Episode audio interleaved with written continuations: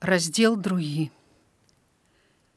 Апошнія метры да лесу яны не паўзлі а прыгнуўшыся знямогла беглі пакуль адзін за адным не пападалі у рэдзенькім чэзлым кустоўі. Распластаныя на снезе сутаргавай горкай задухай хвіліну збянтэжана маўчалі не ў стане сказаць ні слова.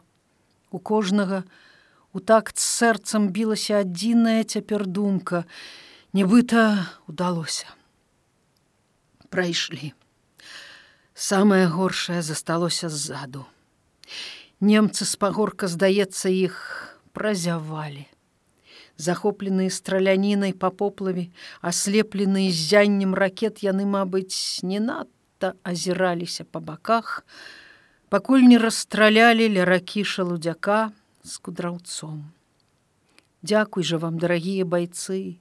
Расчулена думаў ивановскі лежачы на снезе і ў гарачай задусі хапаючы ротам паветра. Першая плата за поспех была ўнесена. Які цяпер будзе яго канчатковы вынік? Яшчэ не зусім аддыхаўшыся ивановскі прыўстаў і сеў на снезе. Рэдкія агнявыя бліскаўкі куль не залі снежныя прыцемкі ўжо далекавата ззаду насустрач ім несліся іншыя з сасонніку за поплавам, гэта ўступіў у бой батальён. Ля кустоўя ж было спакойна. Перад імі ляжаў голы не надта заснежаны схіл з клотчамі быльнягу па межах. Івановскі дастаў гадзіннік, была палова дзясятай. Хто страляў, стрымана з накіпелым гневам запытаў лейтенант успомніўшы злашчасны той стрэл ля ўзмешка. Непоалёку сярод распластаных целаў у белым хтось заварушыўся і сеў на снезе.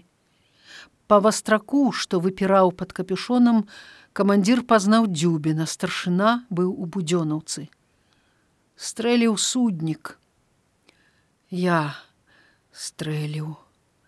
Вінавата і глуха пацвердзіў прастуджаны голас і лейтенант змоўк сваім маўчаннем даючы зразумець што хоча бачыць парушальніка перад сабой. Суднік расслаблена ўстаў на ногі. Чаму страляў? Баец паварушыў у руках вінтоўкай.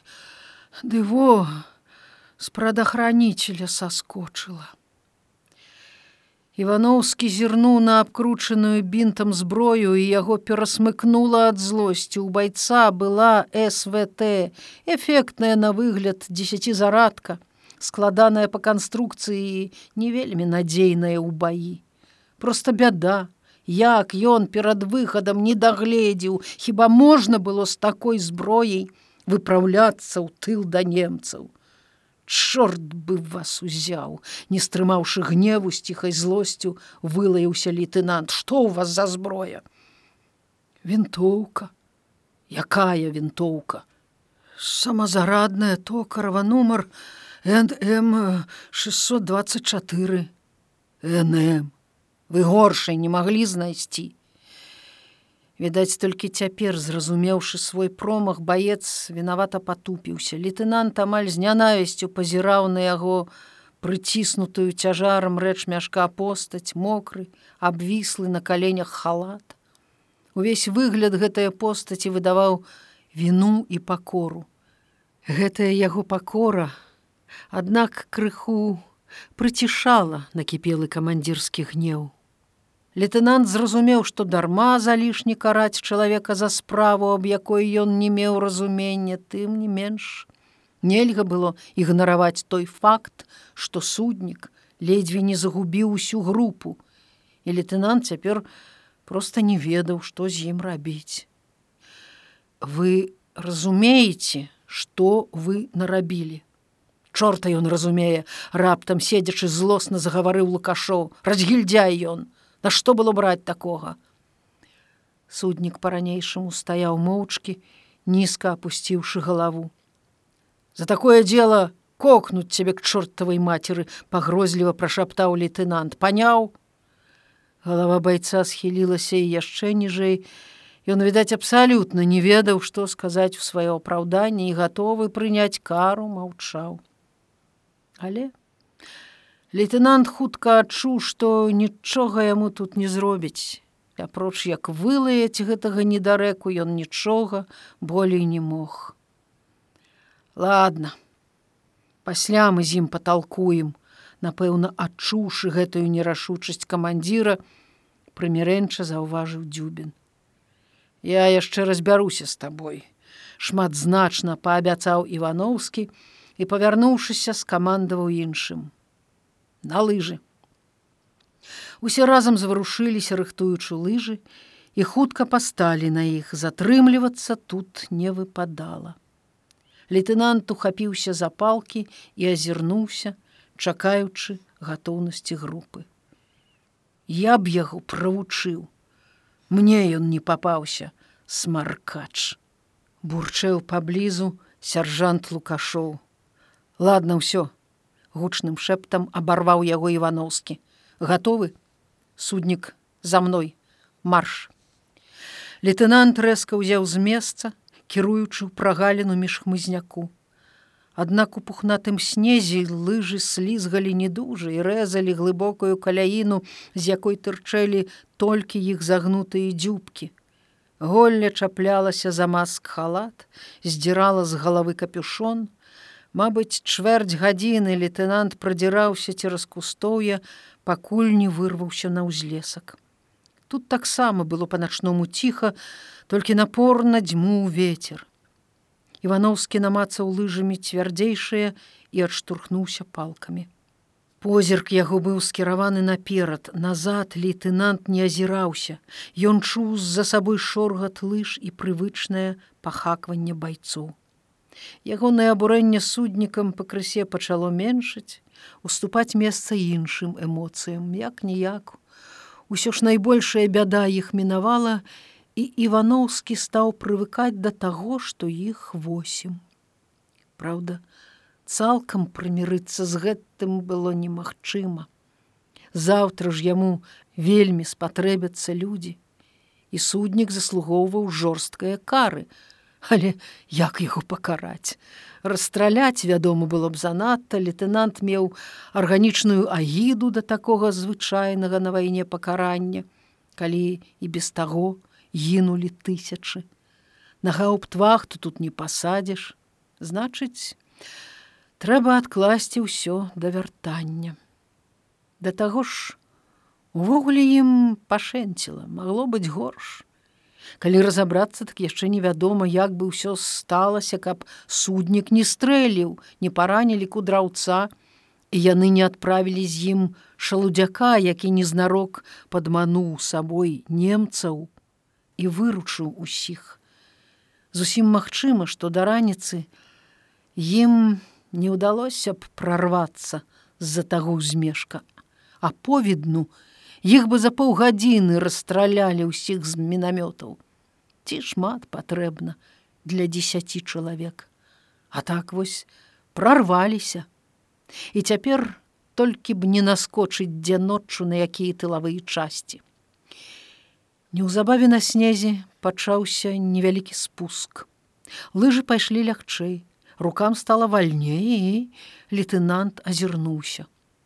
Суднік у вішна ішоў следам, трошки адарваўшыся, цягнуўся ў паўзмроку сяржант лукашоў, астатнія таксама нібыта падраўняліся і ў ветраным начным полі чуўся роўны шоргат снегу пад лыжамі. Лейтенант яшчэ павялічыў тэмп. Дарога была далёкая, нават за вельмі далёкая для адной ночы і вельмі трэба было спяшацца. Тут ён яшчэ памятаў маршрут, вывучаны учора па карце і ведаў, што неўзабаве зноў пойдзе поплаў усё ля той жа рачулкі, якой і трэба будзе трымацца.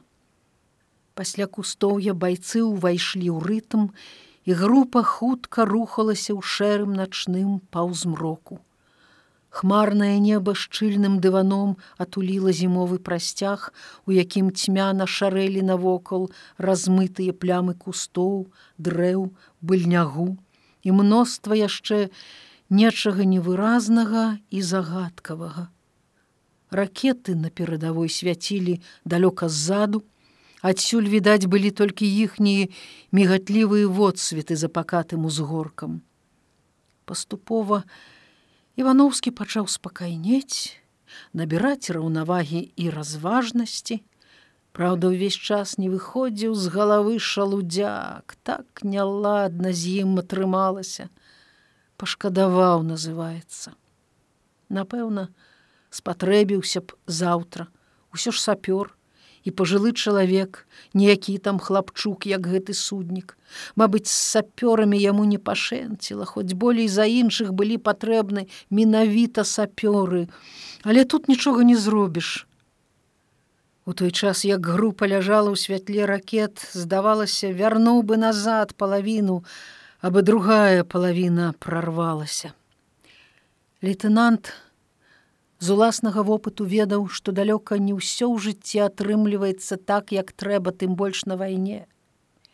Каб дасягнуць мэты, часам трэба да апошняй магчымасці змагацца з магутнаю сілай абставін, іначай праваліш справу і прападзеш сам.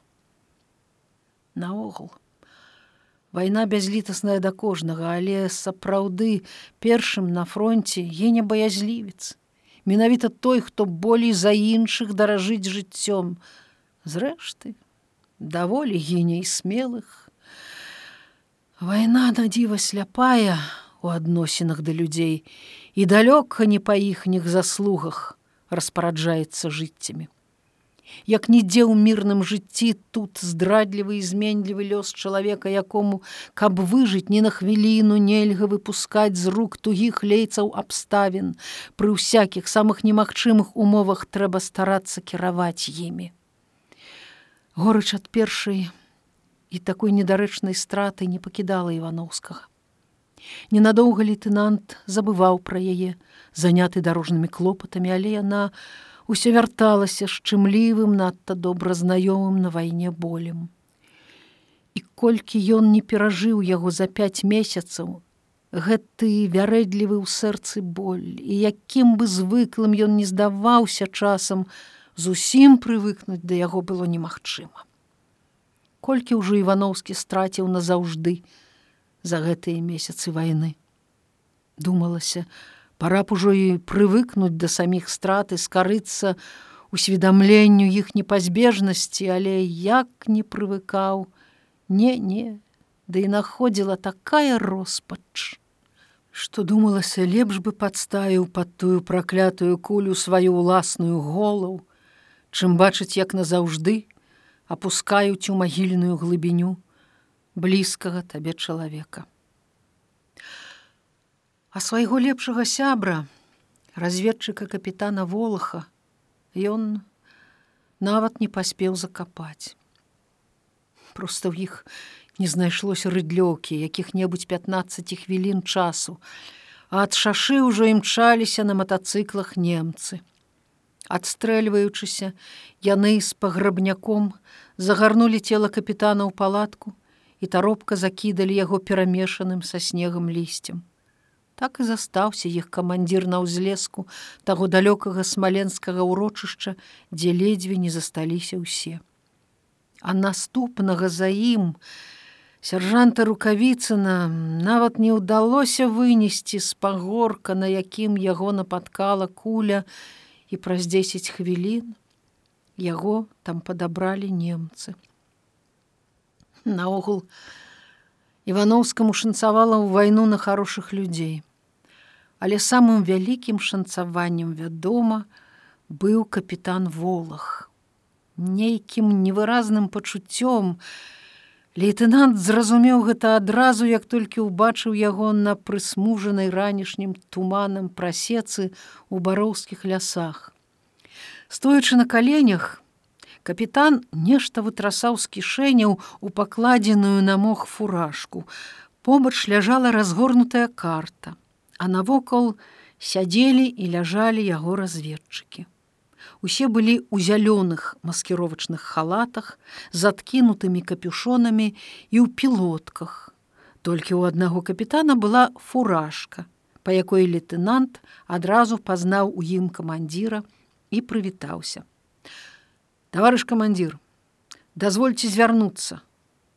Калі ласка, проста і усмешліва, без ценю камандзірскай строгасці сказаў капітан. Звяртайцеся, калі ёсць з чым. А то у нас во адзін пыл. Відаць, ён не супраць быў пажартаваць і можа нават пачаставаць іх махоркай, але махорка ў яго ўся скончылася, як скончылася яна і ў лейтенанта Івановскага. Праўда, лейтенанту цяпер было не да курыва. Ён болей бы ўзрадаваўся сухару ці кавалку хлеба, бо два дні яны амаль нічога не елі пасля разгрому ў начным баі пад крупцамі ён адбіўся ад палка трапіў у акружэнне выйшаўшы з якога з дванаццацю байцамі блукаў па лясах у пошуках сваёй часці. Але нідзе ён не мог набрысці нават на рэшткі сваёй дывізіі.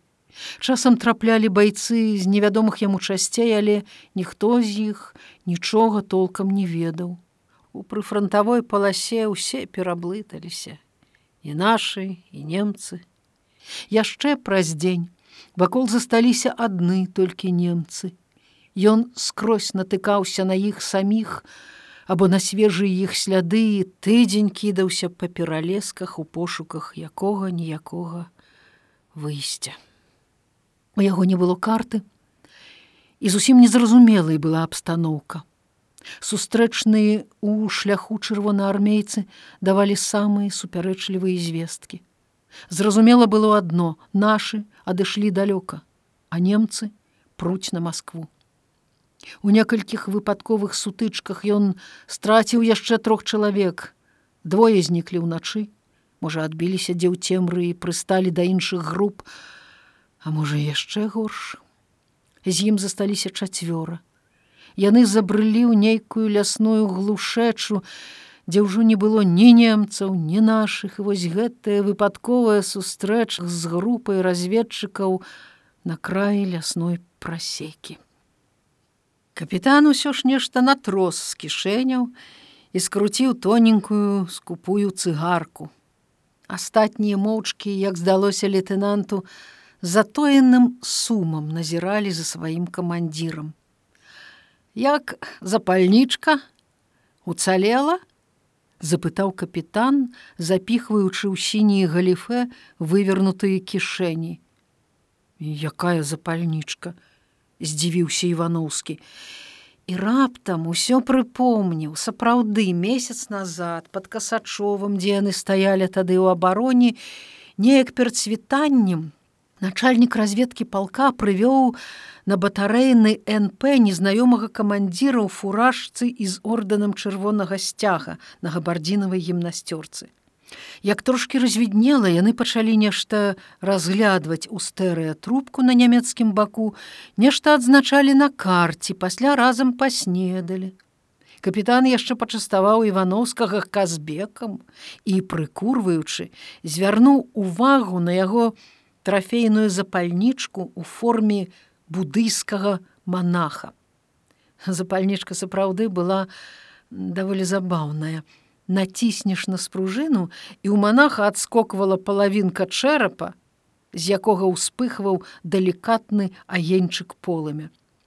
Запальнічка была пры ім. Івановскі дастаў маленькую чорную фігурку манаха, вялікім пальцам ціскануў на спружынку, Але ў гэты раз агеньчык не паявіўся, мабыць, не было бензіну. Цікава, цікава, сказаў капітан.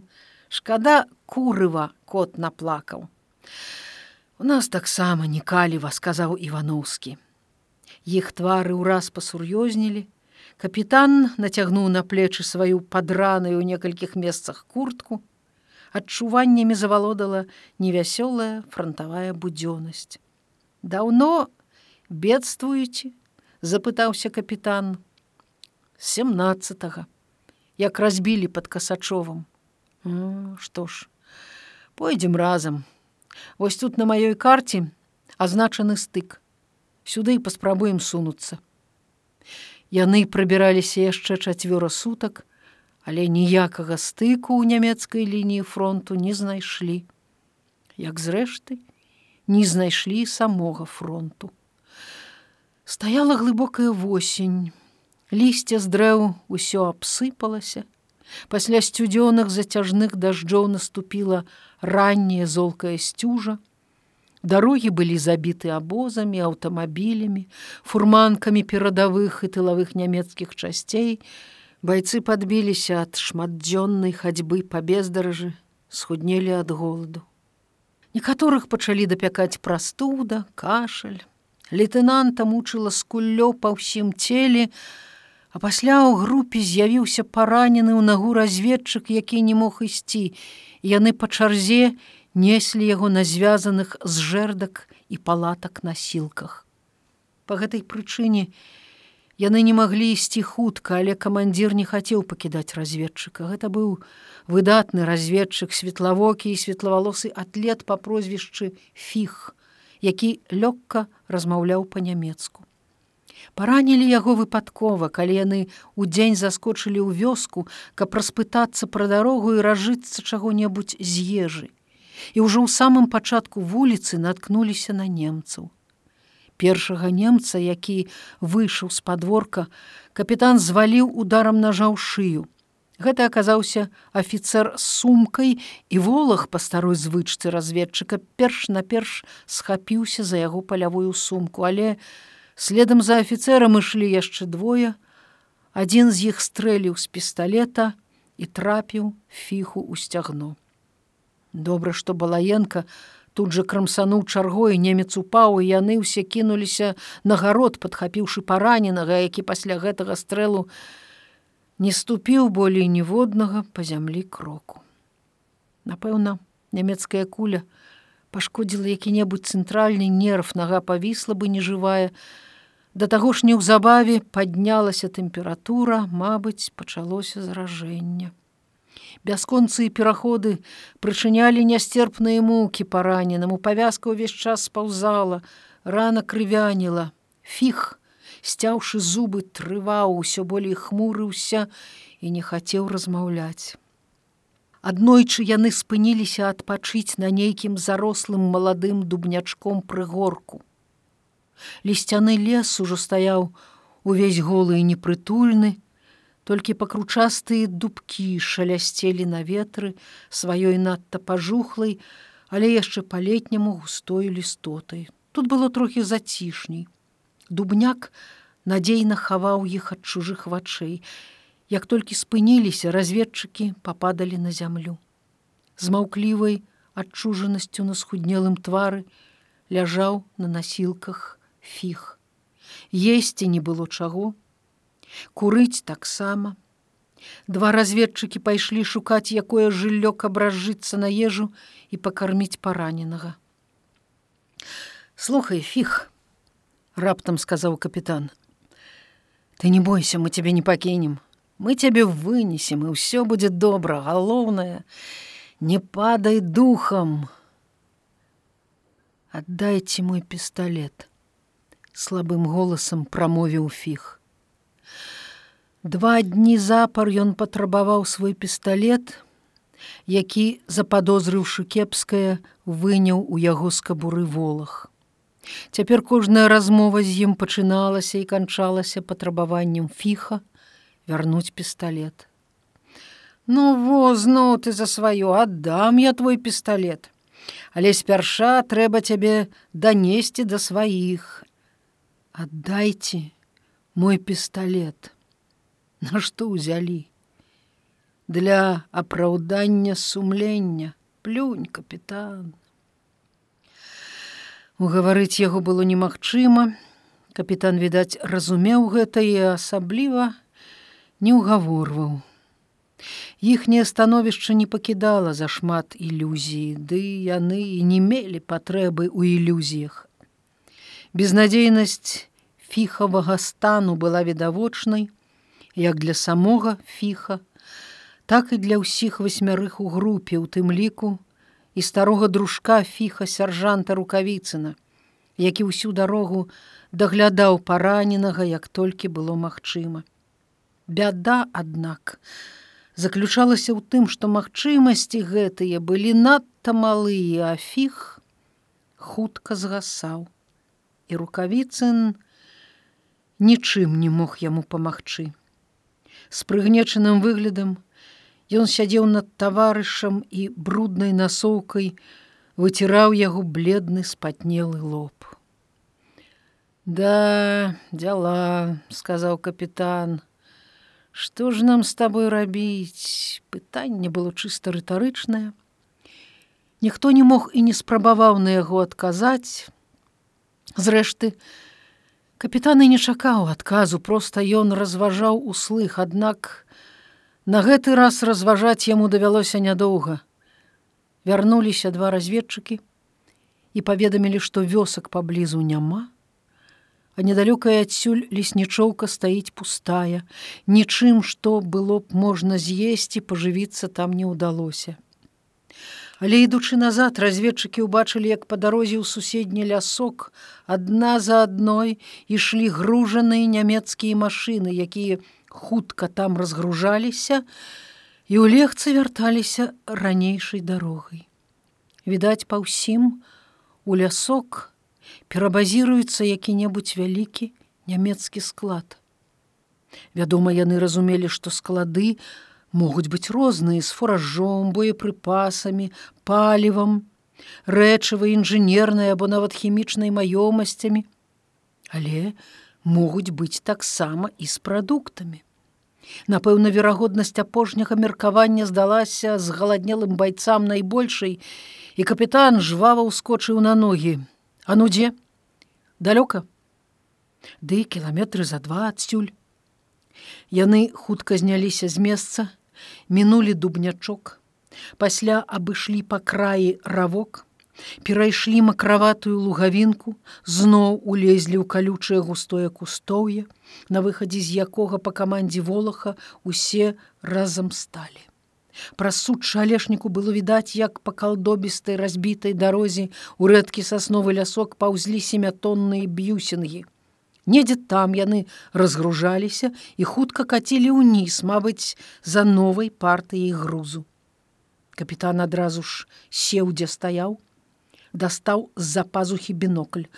Разведчыкі апусцілі насілкі з фіхам. Ух ты, што там наварочана! Во гэта да, здзівіўся капітан. Дротам абносяць, так, так, так. А падыходы ўвогуле неблагія. Ось бы калі сцемнее. На, зірні, сказаў ён, перадаючы бінок ліваноўскаму.